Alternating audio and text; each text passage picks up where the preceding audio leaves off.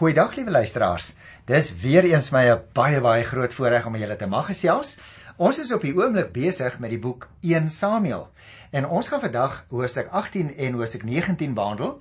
Nou die ouens wat gereeld luister sal nou weet dat ek al gesê het ons kan die boek 1 Samuel in 5 hoofdele indeel. Daar was eers die opkoms van Samuel, toe daar 'n afdeling gehandel oor die ark van die Here.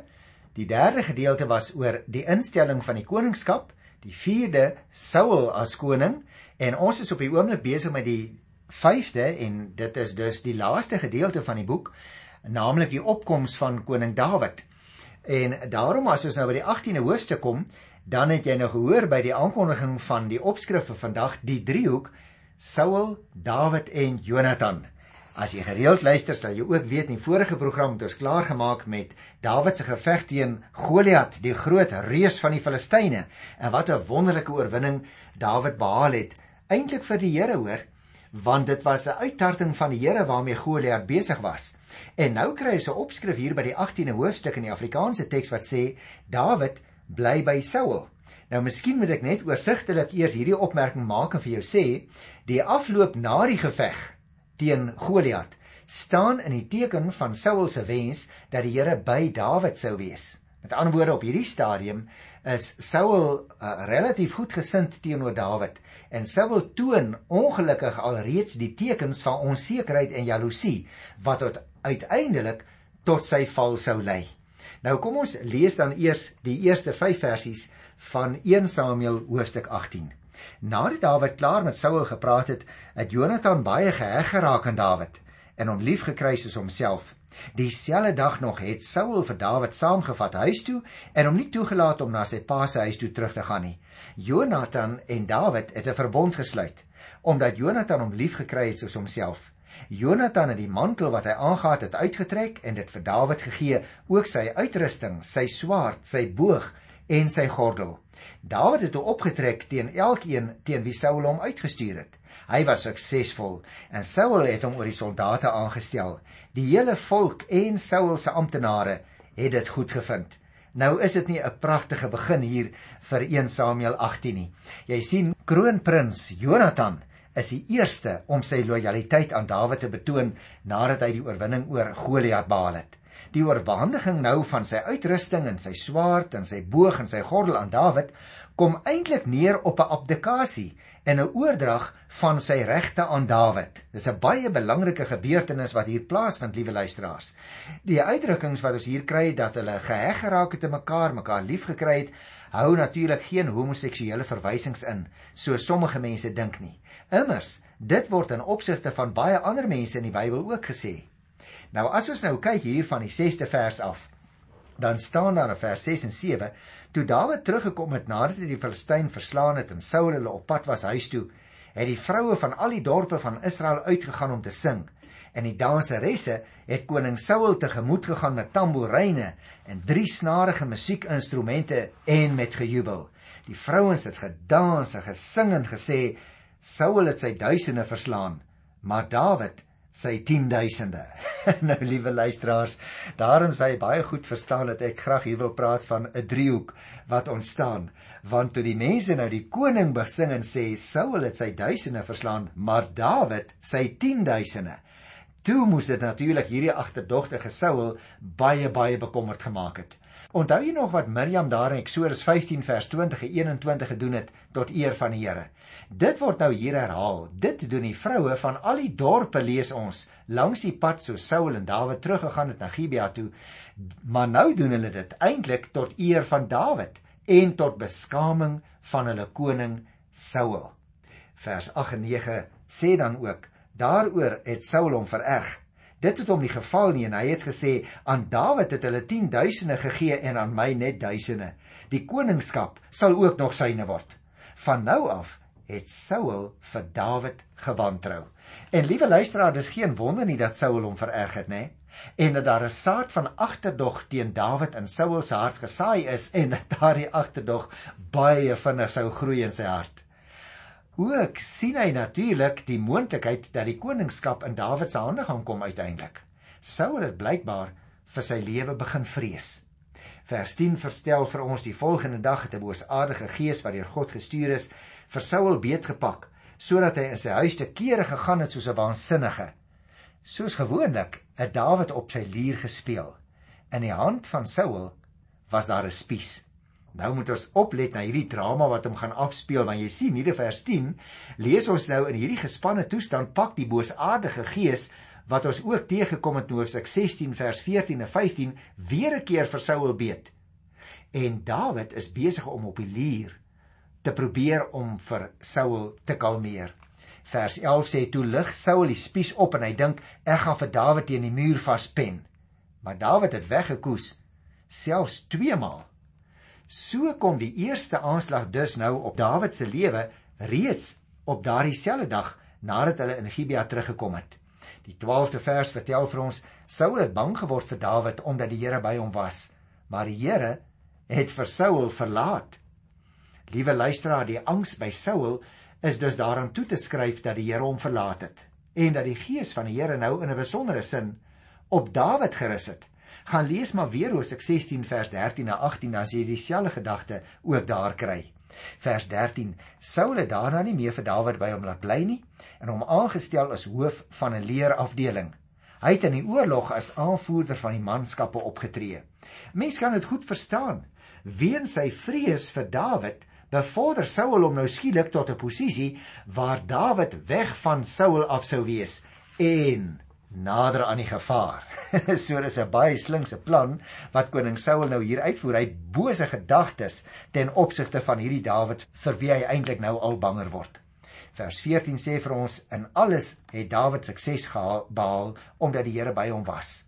Natuurlik, liewe luisteraar, wanneer die Here by iemand is, dan beskerm die Here daardie persoon en daarom sê die Bybelskrywer vir ons hier baie duidelik dat Dawid sukses behaal het juis omdat die Here by hom was. Luister nou na vers 15 en 16. Saul het opgemerk dat Dawid baie suksesvol was en Saul was bang vir hom. Maar die hele Israel en Juda was lief vir Dawid en hy het in die oorlog as hulle aanvoerder opgetree. Jy sien hoe groter Dawid se sukses, hoe banger word Saul vir hom en hoe gewilder word Dawid by albei die hoofgroepe van die volk, naamlik Israel, die een groot groep en natuurlik die sentrale groep in die land rondom Jerusalem later, naamlik die gebied van Juda. Die spanningsverhouding maak vir Saul eintlik 'n een eensame mens. Dis hy teenoor Dawid en die hele volk staan daar. Jy moet ook onthou die lied van die vroue wat Dawid meer aanprys as vir Saul, het natuurlik jaloesie in Saul ontketen sodat hy Dawid probeer doodmaak. Jaloesie luisteraar word van nou af dink ek die hoofkenmerk van Saul se verhouding met Dawid. Maar in plaas daarvan dat dit Dawid benadeel, het dit Saul al meer na die afgrond toe gedrywe. Jaloesie is 'n selfvernietigende ding. Miskien moet jy en ek so van tyd tot tyd ons hart bietjie oopmaak en ons hand in ons eie hart steek. Kyk of daar nie dalk ook jaloesie in ons harte is ten opsigte van iemand anders nie, want liewe luisteraar, hierdie verhaal gaan vir ons leer dat jaloesie selfvernietigend is. En daarom is dit baie dwaas om toe te laat dat dit in 'n mens se hart begin groei. Luister, as liefde die kenmerk is van 'n gelowige mens, soos ons lees Johannes 13 vers 35 dit behoort te wees, dan mag daar natuurlik geen ruimte vir jaloesie in ons harte wees nie. 1 Korintiërs 13 vers 4 herinner Paulus ook vir ons daaraan. Maar nou ja, goed, terug na ons verhaal toe. Saul stel dus nou vir Dawid aan as 'n leeraanvoerder met die hoop dat hy sou sneuwel. Maar Dawid is suksesvol en hy verkry boonop lees ons die lojaliteit van die hele volk juis omdat die Here by hom was. Nou as ons nou kom hier van hoe dat Dawid die skoonseun van koning Saul word, dan wil ek eintlik hê jy moet dit self gaan lees. Jy kry die verhaal hier in 1 Samuel 18 van vers 17 tot aan die einde van die hoofstuk. Kom ek vertel sommer vir jou so in breë trekke uh, wat die inhoud daarvan is van die belofte dat Dawid Merab as vrou sou kry, het eintlik niks gekom nie. Maar die jonger dogter, Mikal, het Dawid baie lief gekry, vertel hierdie 18de hoofstuk van vers 17 af. Saul sien natuurlik daarin 'n verdere geleentheid om Dawid te laat sneuwel en hy eis nou die lewe van 100 Filistyne in ruil vir sy dogter. maar wanneer da wanneer die Here by 'n mens is, liewe luisteraar, dan is geen gevaar te groot nie Dawid bring die bewyse van 200 Filistyne wat hy om die lewe gebring het. Dus Plex van te sneuwel het Dawid die koning se skoonseun geword en in aansien gegroei sodat Saul uiteindelik vir hom bang geword het, al banger. Hoe verder 'n mens lees in hierdie gedeelte, hoe meer sien jy hoe dat Saul al banger en banger vir Dawid geword het. Dit bring ons by die 19de hoofstuk. En hier het ons nog steeds te maak, liewe luisteraar, met hierdie driehoek wat nou nog so 'n bietjie uitgebrei word sodat ons dit nog beter kan verstaan, hierdie driehoek tussen Saul en Dawid en Jonathan. Daarom wil ek eers vir jou so 'n bietjie vertel wat hier in die 19de hoofstuk staan en dan gaan ons weer na die detail daarvan kyk. Dit val my op, liewe luisteraar, as ons hierdie hoofstuk begin lees, dat die driehoekstryd ontwikkel tussen die koning die aangewese koning Dawid natuurlik en die kroonprins, naamlik Jonathan. Ons moet onthou kroonprins Jonathan het vroeg reeds die tekens van die tye gelees en toe het hy besluit om sy gewig agter die aangewese koning in te gooi, soos ons in hoofstuk 18 gelees het. Soos trouens ook sy suster Mikael en die profeet Samuel. Dit bring Jonathan natuurlik dadelik, so kan 'n mens verstaan, in stryd met sy eie pa, koning Saul. As 'n mens dus die eerste 8 verse sou gaan lees, ek gaan dit nou nie doen nie want ek wil van vers 9 af in groter detail die res van die hoofstuk behandel. Maar as 'n mens hierdie eerste 8 verse van 1 Samuel 19 lees, dan sien jy Jonathan tree in vir Dawid. Jonathan slaag dus daarin om Saul te oortuig van Dawid se goeie trou. En hy doen dit deur herhaalde kere klem te lê op die sonde in aanhalingstekens wat Saul in gedagte het, naamlik dat hy vir Dawid wil laat doodmaak. Gaan kyk maar in vers 4 en vers 5. En dit bring natuurlik binne hierdie omraming vir Dawid se goeie danighede in die lig. Naamlik dat daar eh, geskrywe staan daar was geen kwaad in hom nie of dit was vir hom baie voordelig of hy het sy lewe gewaag of daar was vir hom groot uitkoms. Liewe luisteraar, het Saul die eed ligtelik afgelê om Jonathan tevrede te stel of het hy dit tot daardie stadium bedoel maar later in sy verwardheid verbreek? Wat ook al die werklike rede mag wees 'n mens moet natuurlik uiters versigtig wees met ede en beloftes. En liewe luisteraar dis waarom die Here Jesus so ernstig gewaarsku het dat 'n mens dit liewe nie moet aflê nie en eerder trou moet wees aan jou woord gaan kyk maar in Matteus vers 33 tot 37 waar die Here Jesus vir ons sê: "Laat julle ja ja wees en laat julle nee nee wees." En daarom wil ek nou graag uh, in die res van ons program in groter detail kyk hoe dat Mikal haar pa Saul bedrieg en hoe dat sy eintlik Dawid se lewe red. En ek dink as ek nou moet sê waaroor gaan dit hier dan sou ek vir jou wou sê liewe luisteraar onthou altyd die Heilige Gees werk tot eer van God. En daarom hierdie interessante gebeurtenis uit die geskiedenis van ou Israel. Ons lees eintlik hier van vers 9 af in 'n sekere sin van vreemde dinge en vir ons vreemde gebeure in ons kultuur.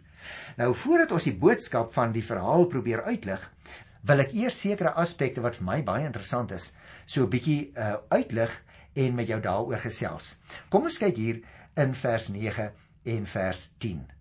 Saul het in sy huis gesit met sy spies in sy hand en Dawid het op die lier gespeel. Toe 'n boosaardige gees wat deur die Here gestuur is oor Saul kom, het hy geprobeer om Dawid teen die muur vas te pen met die spies, maar Dawid het weggekoes en Saul het die spies teen die muur vasgegooi. Dawid het gevlug en daardie nag ontsnap. Interessant dat ons hier lees 'n bose gees van die Here. Jy onthou as dit ook teëgekom Hosea 16 vers 14 en 15 wat daar ook gepraat is van 'n bose gees van God wat vir Saul verskrik het. Daar word gesê, sal jy nog onthou, dat die bose gees deur die Here gestuur is. Die bedoeling is gewoon dit, liewe luisteraar, alles, met ander woorde goed en kwaad, staan onder die beskikking van God. Die bose gees word hier deur God gestuur en is aan die Here onderworpe. Hy word 'n bose gees genoem omdat hy deur die Here gebruik word om vir Saul te tugtig. As straf oor sy sonde, is Saul deur die bose gees gekwel, sou ons 'n gewone omgangstaal sê. Nou teenoor die bose gees wat 'n mens se lewe kan beheers, staan natuurlik die gees van God Ons gaan dit nou nou ook agterkom in vers 20 en vers 23, naamlik die Heilige Gees van die goddelike drie-eenheid. Nou liewe luisteraar, natuurlik as die Heilige Gees oor 'n mens kom, dan kan daar ook 'n bepaalde uitwerking wees. Ons lees byvoorbeeld dat Saul 3 keer boodskappers na Rame gestuur het om Dawid te gaan haal en elke keer het die gees van God oor hulle gekom sodat hulle geprofeteer het. En daarna het Saul self uiteindelik na Rama toe gegaan en dit het ook met hom gebeur. Onthou jy nog die verhaal? In Saul se geval was die uitwerk nog baie erger as in die geval van die boodskappers. Ek gaan net nou weer daarby terugkom. Die feit is, hierdie hoofstuk leer vir ons baie duidelik dat daar 'n sekere vreemde uitwerking by mense kan wees wanneer die Heilige Gees oor hulle kom. Vers 11 en 12: Toe stuur Saul mense na Dawid se huis toe om hom dop te hou en hom in die môre dood te maak. Maar sy vrou Mikal het hom gewaarsku. As jy nie vandag ontvlug nie, het sy vir haar man Dawid gesê, word jy môre doodgemaak. Mikal het toe Dawid deur die venster laat afsak. Hy het weggegaan, hy het gevlug en hy het ontsnap. Mikal, sal jy nog onthou, liewe luisteraar, is natuurlik 'n dogter van koning Saul. En die koning was so seker van Mikal se afkeer van Dawid dat hy haar later as vrou gegee het aan Paltiel. So lees ons in Hosea 25 vers 44. Nou is die vraag natuurlik, hoekom het Saul Dawid nie gedurende die nag laat vang nie, terwyl hy geweet het dat Dawid by sy vrou in die huis was? Ons moet onthou, liewe luisteraar, destyds was daar 'n ou kanonitiese wet wat ook in Israel geldig was in daardie tyd. 'n Ander se huis mag nie in die nag of sonder die verlof betree word van daardie persoon aan wie die huis behoort nie. Nou dit is natuurlik gedoen om die eerbaarheid van die huisbewoners en veral die vroue in die huis bo verdenking te hou. Selfs die koning is nie by magte om hierdie wette oortree nie. Daarom sit Saul se wagte Dawid nie agterna nie. Hulle bring hom nie uit die huis uit nie en hulle neem hom nie gevange nie, maar hulle bewaak net die huis. Die doel was om hom die volgende oggend gevange te neem. Maar het jy opgelet? Mikal het Dawid deur die venster laat afsak, net soos Ragab die verkenners van Israel destyds daar in Joshua 2 vers 15. En dit lyk dus vir my ons kan die afleiding maak dat Mikal en Dawid se huis in die stadsmuur van Gibea ingebou was, soos die huis van Ragab by Jerigo destyds. Ek lees vers 13 tot 16. Maar Mikal het die afgodsbeeld gevat en op die bed neergesit. Sy het 'n bokhaar net om die beeld se kop gedraai en dit met 'n kombers toegemaak. Toe Saul se mense daar kom om vir Dawid te vang, sê sy hy is siek. Daarna het Saul sy manne gestuur om na Dawid te gaan kyk en beveel: "Bring hom na my toe met bed en al, dat ek hom kan laat doodmaak." Die manne het ingekom en toe lê die afgodsbeeld op die bed met die bokhaar net aan die kop en end. Nou ja, hier lees ons van 'n huisgod. Dis 'n vreemde ding luisteraar. Uh, en ons het eintlik geen regtig 'n verklaring daarvoor nie. Daarom wil ek ook nie daaroor spekuleer nie. Maar Genesis 31 vers 19 vertel vir ons dat Rachel die huisgode van haar vader gesteel het in Hebreëus terafim. Nou so beeld het natuurlik 'n mensvormige kop of 'n masker gehad. En dit was miskien 'n oorblysel van voorouer verering en verteenwoordig in die huisgesin 'n heilige tradisie. Die besit daarvan het ook sekere regte meegebring. Volgens tablette wat in die ou stad Nutsi gevind is, gaan die besit daarvan gepaard met leierskap in die familie en so sou dit dan oorgelewer word aan die oudste seun van die huis. Nou, uh, mense kan nog daaroor gesels, liewe luisteraar, maar die punt wat ek wil net wil maak is hier in hierdie opset omdat Dawid 'n gelowige was. Dit is 'n uh, 'n vreemde situasie wat ons hier kry, miskien vanweë die agtergrond van Mikal wat Saul se dogter was. Die besit van sulke beelde selfs word veroordeel in Hosea 15 vers 23. Maar ek wil net 'n tweede opmerking hieroor maak, want ons het gelees toe Mikal die boodskappers van koning Saul om die bos wou lei, het sy die beeld soos 'n mens in die bed laat lê en 'n net van bokhaar aan sy kop en end gesit en die beeld toe met 'n kombers toegemaak. Net dit om vliee en ander insekte van die gesig af weg te keer. Waarskynlik so 'n eenvoudige verklaring sodat die mense nie dadelik agterdogtig moet raak nie. Maar nou sê die 17de vers. Saul sê toe vir Mikal: "Waarom het jy my so bedrieg en my vyand vrygelaat om te ontsnap?" Maar Mikal het vir Saul geantwoord: "Hy het vir my gesê: "Laat my gaan, anders maak ek jou dood." Het jy nou opgemerk nadat Dawid ontvlug het, lees ons dat Saul direk met Mikal gepraat het. Moontlik het die koning toe self na sy dogter se huis toe gekom, dalk het hy haar laat haal, wie sou weet. Die punt is, sy het waarskynlik daarop staat gemaak dat haar lewe nie in gevaar was nie omdat sy die koning se eie dogter was. Tussen hakies luisteraars, ons lees ook dat sy twee noodleuns vertel het. Die eerste keer het sy vir die boodskappers vertel dat Dawid siek was, daar in vers 14. Die tweede noodleun hier in vers 17 vertel sy dat Dawid haar met die dood gedreig het om hom te help ontvlug. Nou albei is natuurlik onwaar. Geen regverdiging in die Bybel word gevind vir noodleuns nie. So ons moenie daaroor illusies hê nie. Kom ek lees vers 18 tot 21. Ondertussen het Dawid gevlug en ontsnap en by Samuel in Rama aangekom. Hy het hom alles vertel wat Saul hom aangedoen het. Hy en Saul het in die woonkwartiere van die profete gaan woon. En daar is aan Saul berig: "Weet u, Dawid is in die profete kwartiere in Rama." Nou toe stuur Saul natuurlik boodskappers om Dawid gevange te neem. Toe hulle die groep profete sien, so vertel vers 20, wat besig was om as profete op te tree, onderwyl Samuel hulle voorgaan, het die gees van God oor die boodskappers van Saul gekom en hulle het self ook begin om as profete op te tree. Nou dis interessant, die 18de vers vertel vir ons hier dat Dawid saam met Samuel gegaan het en dat hulle in Najot gebly het. Nou die vraag is natuurlik waar. Vers 19 en 22 gee vir ons inligting want dit sê Najot is by Rama. Uit die hoofstuk blyk dit dus dat daar by die plek baie profete was. Waarskynlik luisteraars was Najot nie 'n tipiese profete skool nie, maar 'n soort van 'n profete huis of 'n profete stigting in ons terme miskien vandag. Samuel woon natuurlik nie self daar nie, maar hy bring nou vir Dawid so intoe. Gereken die woonplek van die profete sou Dawid nou heel waarskynlik hier kon veilig voel. Maar die boodskap het aan die koning deurgekom. Hy bly in daardie dorpie, hy wat Dawid is. Nou sê die 22ste vers daarop het Saul self na Rama toe gegaan en toe hy by die groot opgaardam in Sekhu kom vra hy waar is Samuel en Dawid? Iemand het geantwoord daar in die profete kwartiere in Rama. Jy sien luisteraars, die drie groepe manskappers word so oorweldig deur die gees van God dat hulle Dawid glad nie gevange neem nie. En nou besluit koning Saul, uh, ek gaan self soontoe. Ek wil gaan kyk wat gaan aan. Nou as hy by die groot put daar by sê hoekom lees ons, verneem hy nou waar Dawid gekry kan word. Die ligging is ongelukkig aan ons bekend, maar in die tyd van die Bybelskrywer was dit natuurlik 'n bekende put en by so 'n punt vind jy altyd mense. Was die verhaal van die wonderlike gebeur by Najot al algemeen rugbaar op hierdie stadium? Ons weet nie. Saul kan wel verder reis. En dan sê vers 23 en 24 vir ons hoe dat hy uh self na Rama toe gegaan het, daar by die groot opgardam gekom het en nou begin hy navraag doen.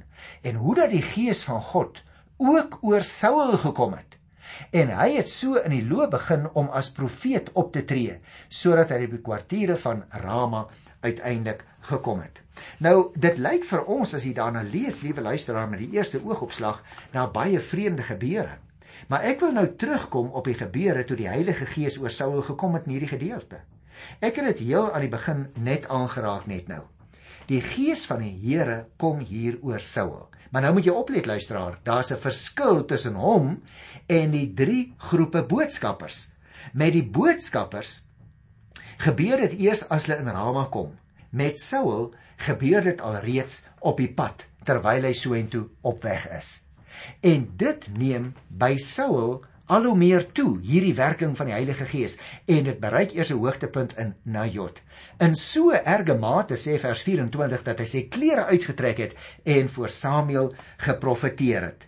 Nou is die vraag natuurlik wat leer ons daaruit, liewe luisteraars? Ek sou dit sê Juis na aanleiding van hierdie spreek wat ontstaan het, is Saul ook onder die profete. Nommer 1 sou ek wil sê, die Bybel wil vir ons leer, God skenk hier 'n buitengewone gawe aan wie hy wil. Ook hierso selfs aan Saul. 'n Tweede opmerking. God verander Saul se voornemens wanneer sy gees hom gryp in hierdie gedeelte. Ons het dus hier 'n mens, liewe luisteraar, wat nie beoog om God te gaan vereer nie, hierdie man Saul dan maak God se gees hom naak en onmagtig op die grond. God is almagtig, hy regeer. Jy sien die besetting deur die Heilige Gees is hier nie tot Saul se eer nie, maar juis tot sy oneer. Sy besetting is tot God se eer wat sodoende Dawid se lewe spaar. En van Dawid lees ons byvoorbeeld nie dat die Heilige Gees hier op hom gekom het nie. Hy het helder en nugter gebly op sy voete, maar Saul het eintlik in die skande gekom. Wonderlik dat God op vreemde maniere werk, maar hy beskerm sy eie eer. Anders gesê, die Heilige Gees werk tot eer van God. Ek groet jou tot volgende keer in die naam van die wonderlike Here. Tot dan, totsiens.